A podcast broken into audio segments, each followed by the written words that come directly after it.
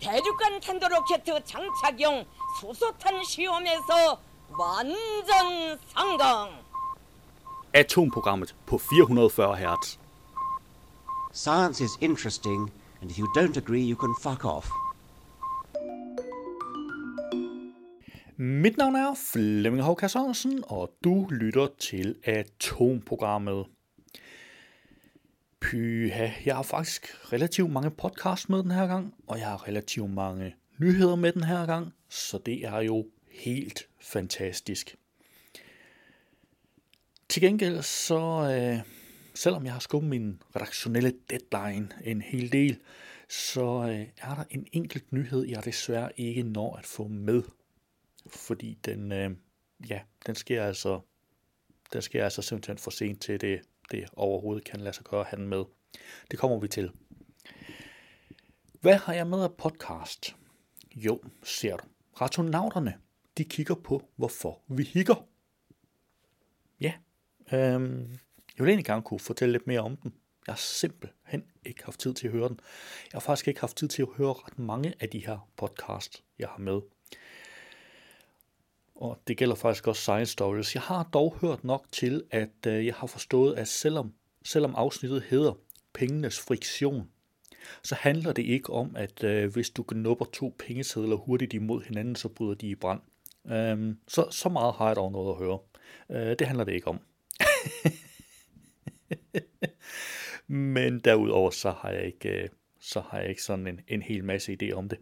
Brainstorm er på en måde ved at være tilbage fra deres øh, pause, og den har jeg noget at høre. Det er ikke som sådan et rigtigt brainstorm-afsnit, men de taler med nogle af, af øh, de folk, de tidligere sådan har talt med, og, og øh, det er sådan set lidt en teaser for, hvad du kan forvente i løbet af sæson 3 i Brainstorm. Og hvis du, øh, hvis du sådan har planer om, at du skal høre sæson 3 i ja, Brainstorm, jamen så tror jeg faktisk, det kunne være...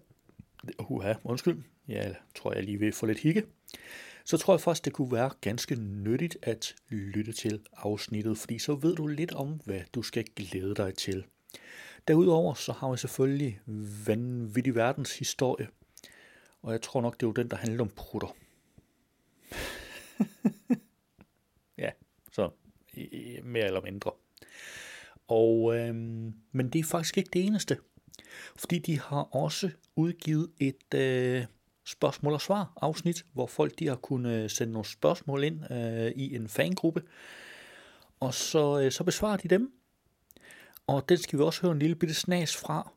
Jeg linker ikke til den selvstændigt. Det vil sige, at øh, jeg linker til vanvittig verdenshistorie øh, i show notes, men jeg linker ikke øh, selvstændigt til det der øh, spørgsmål og svar afsnit, fordi det kan ikke rigtig betale sig. Fordi linket til øh, vanvittig verdenshistorie, det går bare til deres, øh, deres podcast-sektion, øh, og ikke til øh, deres, deres podcast har ikke en selvstændig side hver. Så øh, når du klikker på, på øh, linket for at høre afsnittet, så kommer du ja, også automatisk til, til øh, det her spørgsmål og svar. Øh, og det kan, det kan varmt anbefales. Derudover så har vi selvfølgelig videnskabeligt udfordret.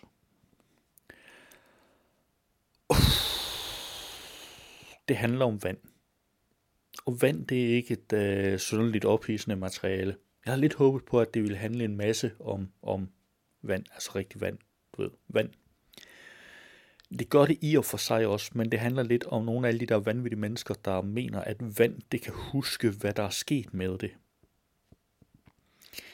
Jeg følte mig udfordret, da jeg hørte afsnittet. De levede virkelig op til deres navn, videnskabeligt udfordret. Øhm, jeg tager og høre det, fordi det er, det er simpelthen bare vanvittigt. Det er det. Derudover, så har vi jo også nogle nyheder. Jeg har sådan en fin ekstra nyhed. Nu har jeg i en uge haft øh, nogle af verdens, øh, sjov, verdens sjoveste billeder, der skulle kåres, og der var øh, også øh, i sidste uge, det var, var noget med ugens, øh, nej, årets bedste fotoer og, og sådan noget. I den her uge, øh, det er egentlig ikke, fordi det skal ligesom være en tradition, at der er sådan en eller anden ekstra snas. Men i den her uge, der har vi faktisk flyvende næsehorn og skæg, der afbøder knytnæveslag. Ig Nobelprisen 2021 skuffer ikke. Det er uddelingen af Ig Nobelprisen, øh, som er sådan lidt en... Nej, den er vel ikke en parodi på Nobelprisen, men den er sådan lidt øh, Nobelprisens øh, humoristiske fætter. Og øh, den tager vi altså som en lille ekstra nyhed til, til allerslut og sidst. Eller, det gør vi jo ikke, fordi bagefter, der har vi jo ugens nyhedsopdatering fra NASA, og det er jo den, der, der sådan runder det af. Men vi har også nogle, øh, nogle korte nyheder. Skabte nazisterne disse mystiske urankuber? Forskere er måske på sporet af et svar. De har en vild plan. Nu skal mammuten vækkes til live for at redde klimaet. Og nej, de to har ikke noget med hinanden at gøre. Det er to forskellige overskrifter. Jeg trak hvert imellem. Og øh, vi har også nyt studie. Katastrofale udbrud fra supervulkaner er mere sandsynlige, end man tidligere har troet. Og, og ja, vi har også ugens nyhed. Selv små klimaforandringer kan have katastrofale lokale konsekvenser. Det skete i den lille istid. Og vi har flere af de korte nyheder. Der har måske været liv på Mars. Og øh, så har jeg den her. Første rumturister er sendt i kredsløb om jorden i tre dage. Og jeg står relativt sent lørdag aften og optager det her. Klokken den er lige i talende stund 22.23. Og de, øh, de lander altså ikke endnu. Jeg kan simpelthen ikke nå at få øh, opdatering med og sige, det gik heldigvis godt, at de landede. Det håber jeg, det gør. Jamen, hvorfor skulle det ikke gøre det? Altså, øh, SpaceX, de har styr på deres shit. Men det virker bare et eller andet sted lidt sjovt, at jeg står og har nyheden med om, at de bliver sendt op, men når du hører det her, så er de landet, men det sker imellem redaktionel deadline og at du hører det her, og jeg kan simpelthen ikke skubbe den længere, fordi så, øh, så kan systemet ikke finde ud af det. Vi har også, er solsystemet enestående? Og det er faktisk, øh, det er faktisk nyhederne den her gang. Der er, så der er en del. Det er ikke fordi, vi lige lider under det nyhedsmangel den her gang, skal vi ikke bare sige sådan. Men lad os da se og komme i gang, for øh, det er jo egentlig relativt meget, vi skal nå igennem. Lad os kaste et hurtigt blik på, hvilke podcasts, der er dukket op i løbet af ugen. I denne uge er der en ny udgave af Videnskab.dk's Brainstorm podcast. Okay, alle sammen, øh, velkommen til reaktionsmødet. Er alle til stede, cikader? Godt, ja. godt, godt at se jer. Messing Blazer, er, er, du er her også, eller hvad? Godt, godt at se dig igen efter sommerferien. Asbjørn, er du her? Ja, jeg er her også, faktisk. Ja. Perfekt. Og hvad med Albert? Mine damer og herrer, her er endnu en kendskærning om hjernen. Du lytter til en videnskab.dk-podcast, støttet af Lundbækfonden. Velkommen til Brainstorm, og velkommen til den nye sæson. I første episode, der brainstormer vi på, hvilken forskning vi skal kaste os over i denne omgang. Og de hjerner, vi plukker, tilhører Mikkel Valentin, Mark Skram Christensen, Thomas Alex Sørensen, vores egen husforsker Albert Gede, og jer, vores kære lyttere. Mit navn er Jais Bangstrøm Kok. Og jeg hedder Asbjørn Mølgaard Sørensen. Velkommen, Velkommen til Brainstorm. Det var en lille bid af Brainstorm. Du kan naturligvis finde et link til podcasten i show notes. I denne uge er der også en ny udgave af Science Stories podcasten. Finansielle friktioner er omkostninger eller hindringer i forbindelse med finansielle transaktioner, som skyldes mange forskellige ting. Og det er temaet for et grundforskningscenter, der for nogle år siden fik 80 millioner kroner til at studere finansiel friktion. Man kommer til at tænke på finanser som noget flydende noget, og jeg har det også selv med negative renter bitcoins og kontanternes forsvinden efterhånden sværere og sværere ved at forstå, hvad penge i det hele taget er. Derfor er jeg taget ind på Frikcenteret på Københavns Business School for at tale med centerleder professor David Lando. Og David Lando, før vi går i gang med at tale om finansernes friktion, må du lige forklare mig, hvad penge er for noget, og hvor de i det hele taget kommer fra. Det var en lille bid af Science Stories, og du kan naturligvis finde et link i show notes. I denne uge er der også noget for det yngre publikum, radionauterne. Du lytter til Radionauterne, en podcast for nysgerrige børn. Mit navn er Lisa. Og mit navn er Karen. 1, 2, 3, 4, 5, 6, 7, 8, 9 børn kommer fra forskellige steder i landet og har forskellige alder. Men de har én ting til fælles, som de vel egentlig nok også har til fælles med alle mennesker og mange dyr. Også dig, der lytter med. Og hvis jeg ellers kunne få lov til at sige det færdigt, Det Karen prøver at sige er, at i dag skal det handle om hække. Det var en lille smagsprøve på radionauterne, og du kan naturligvis finde et link i show notes. I denne uge er der en ny udgave af Videnskabeligt Udfordret. Men det, der er så sindssygt, det er, at du ved, ham her Nobelprismodtageren i medicin, han sagsøger så Nobelprismodtageren i fysik for et patent på ideen om, at biologisk information kan læres i vand.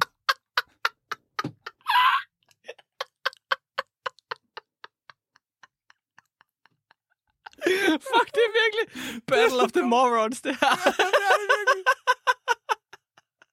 Så det er bare to idioter, der går i flæsket på hinanden. Og resten af verden, de står bare og kigger på dem og skriger og griner. Sådan lidt. Hvad fanden er i gang i? Hvad fanden er de kæmper om? Det var et lille klip af Videnskabeligt Udfordret. Du kan finde et link i show notes. I denne uge er der en ny udgave af historiekomedy-podcasten Vanvittig Verdenshistorie. I dag skal vi snakke om noget, noget lidt specielt, vil jeg mm. sige. Øhm, fordi jeg har været i de franske katakomber. Jeg har gravet lidt. Ja. Og øh, vi skal snakke om kunstneren Joseph Pujol, som op igennem sin karriere bliver kendt under navnet Le Patoman. Le Patoman. Lige præcis. En popartist for sin tid, bogstaveligt talt, men det kommer vi til. Okay. Så Fordi- vi er ude i sådan noget, det er datidens Michael Jackson. Øhm, lad os sige det. og så ser vi, om, øh, om, om, om du vil modificere dit statement senere. Okay. Fordi Joseph han bliver født i den sydfranske by Marseille i juni 1857. Han bliver født i en, ind i en meget kunstnerisk familie, da hans far er den anerkendte billedhugger François Pujol. Okay. Og det betyder selvfølgelig, at kunsten er en naturlig del af den her unge knejts liv allerede fra starten. Han vokser op i et kærligt hjem med fire søskende og udviser allerede fra øh, barnsben et meget stærkt entertainergen. Øh, han synger, optræder i stuen og begynder også at spille trombone i løbet af sin skoletid.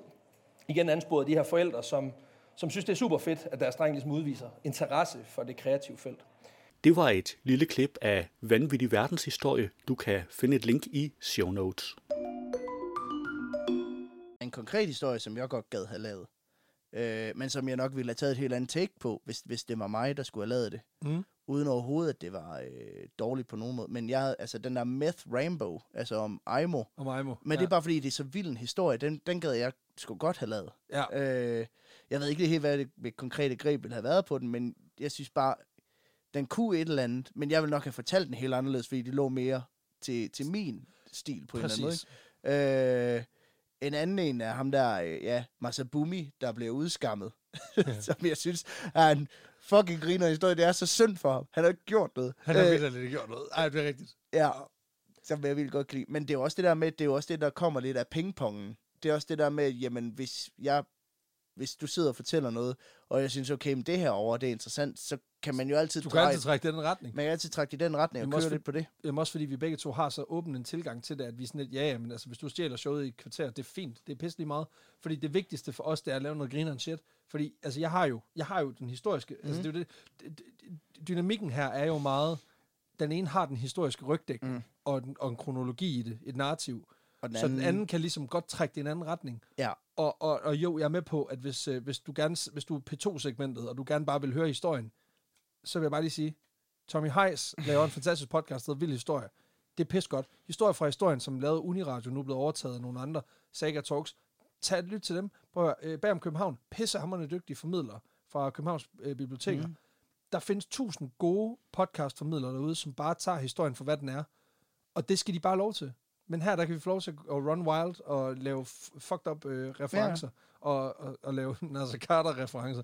Det, prøv, og, det, og det er det, vores produkt kan. Ja, ja. Og, og, og der synes jeg jo bare, det er det fedeste at sige, jeg kan trygt gå i en retning, fordi jeg ved, jamen, du skal nok få den tilbage på sporet. Ja. Det kan godt være, at den ikke bliver så elegant, men det gør den jo aldrig. Nej, nej.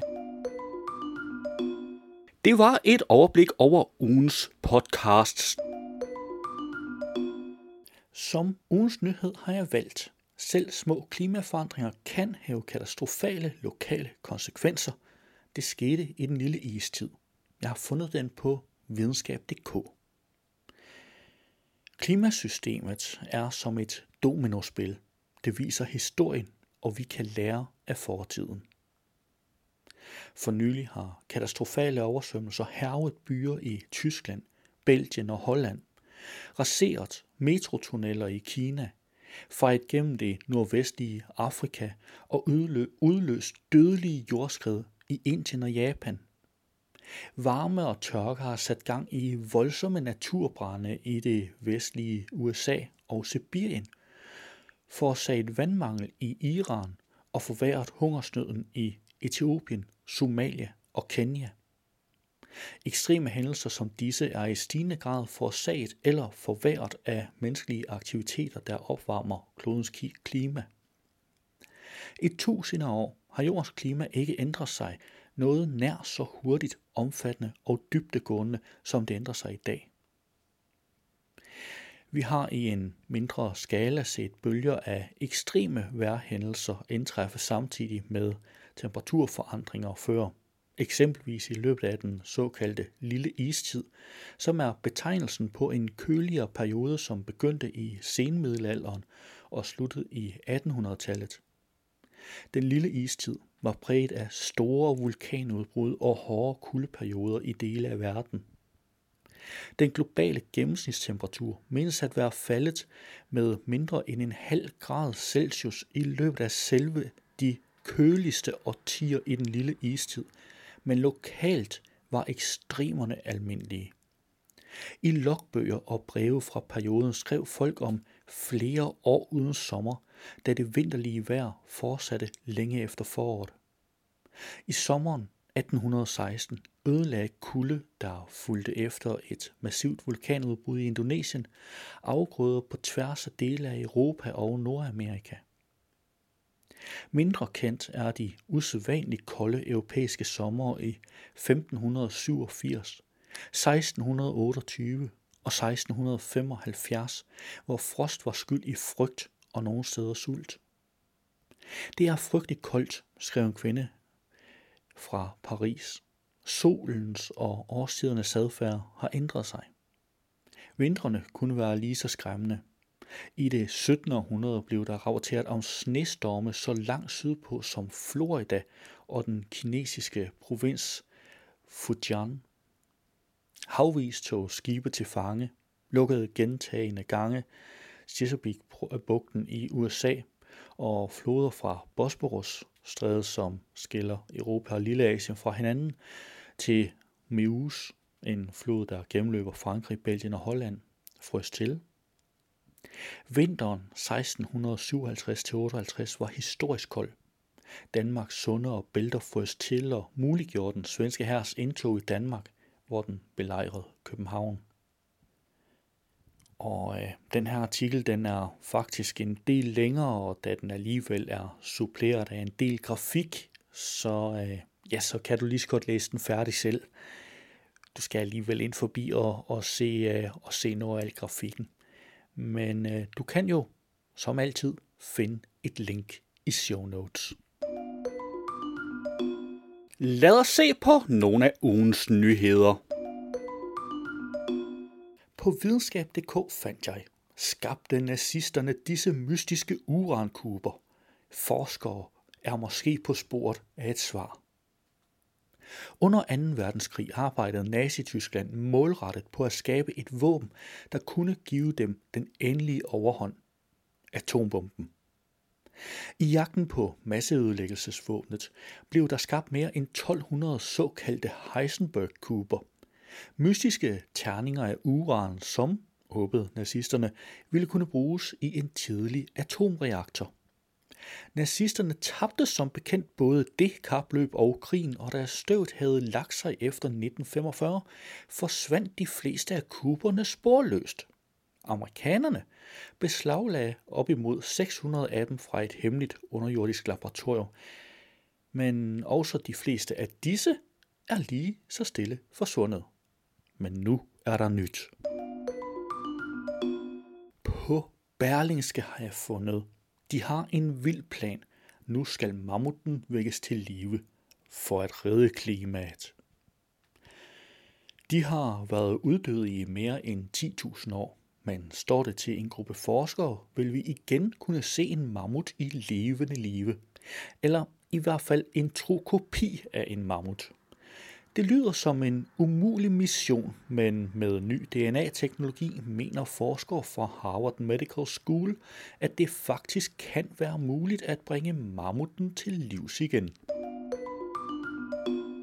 På BT har jeg fundet nyt studie.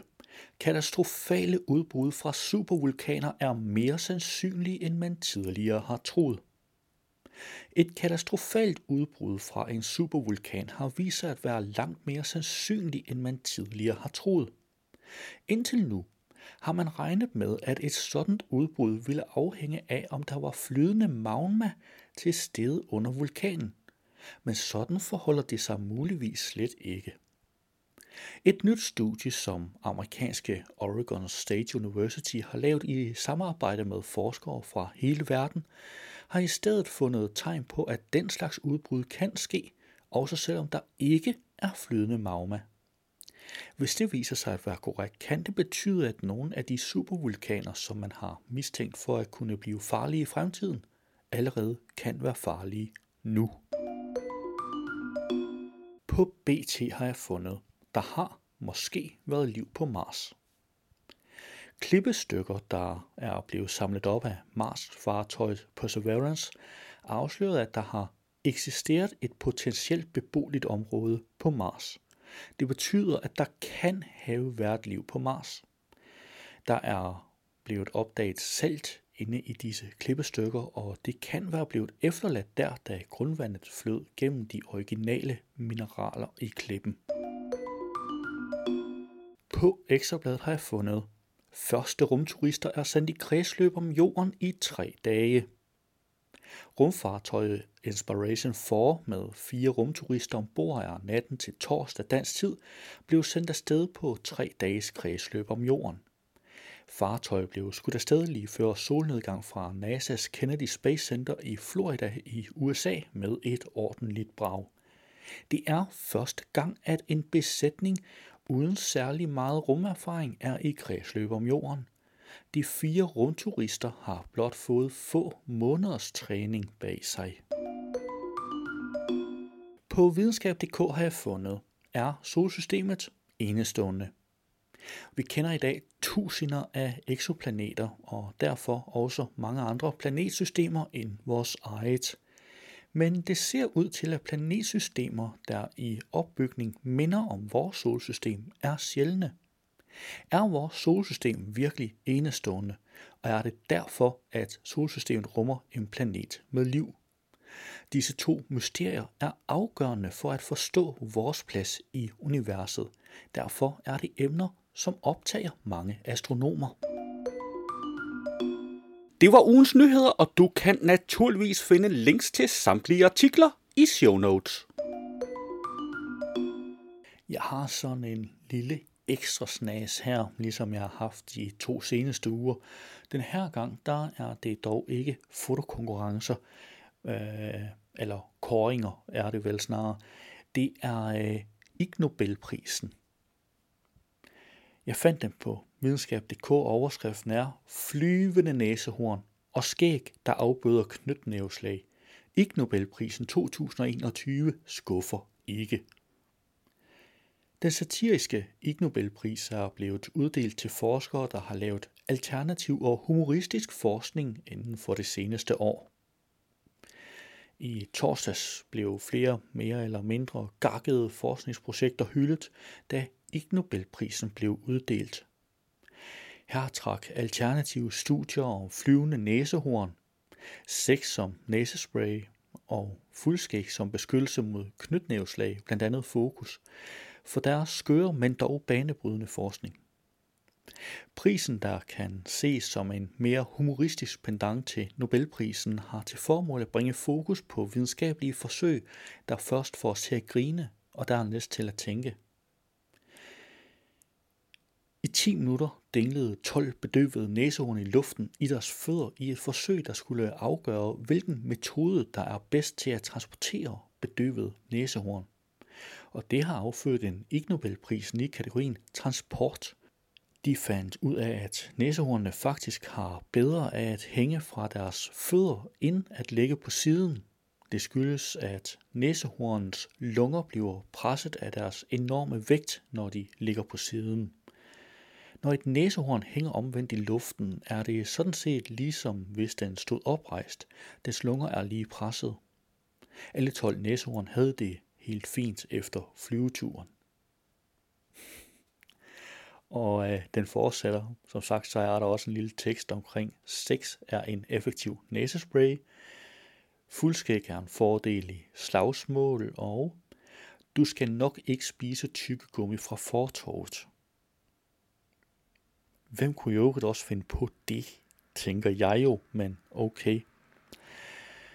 Og øh, ja, så har de jo også øh, nogle, nogle kortere øh, skriverier om forskellige, øh, forskellige øh, øh Ig Nobelpriser, der er, der er uddelt i år.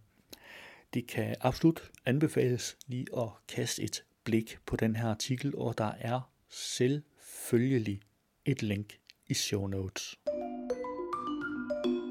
Hvis du havde hørt radioudgaven, så ville her være denne uges udgave af NASA's nyhedspodcast This Week at NASA, men den er ikke inkluderet i podcastudgaven af udsendelsen. Du kan finde et link til den i show notes. Det var atomprogrammet for denne gang. Du skal have tak, fordi du lyttede med, og vi lyttes ved næste gang.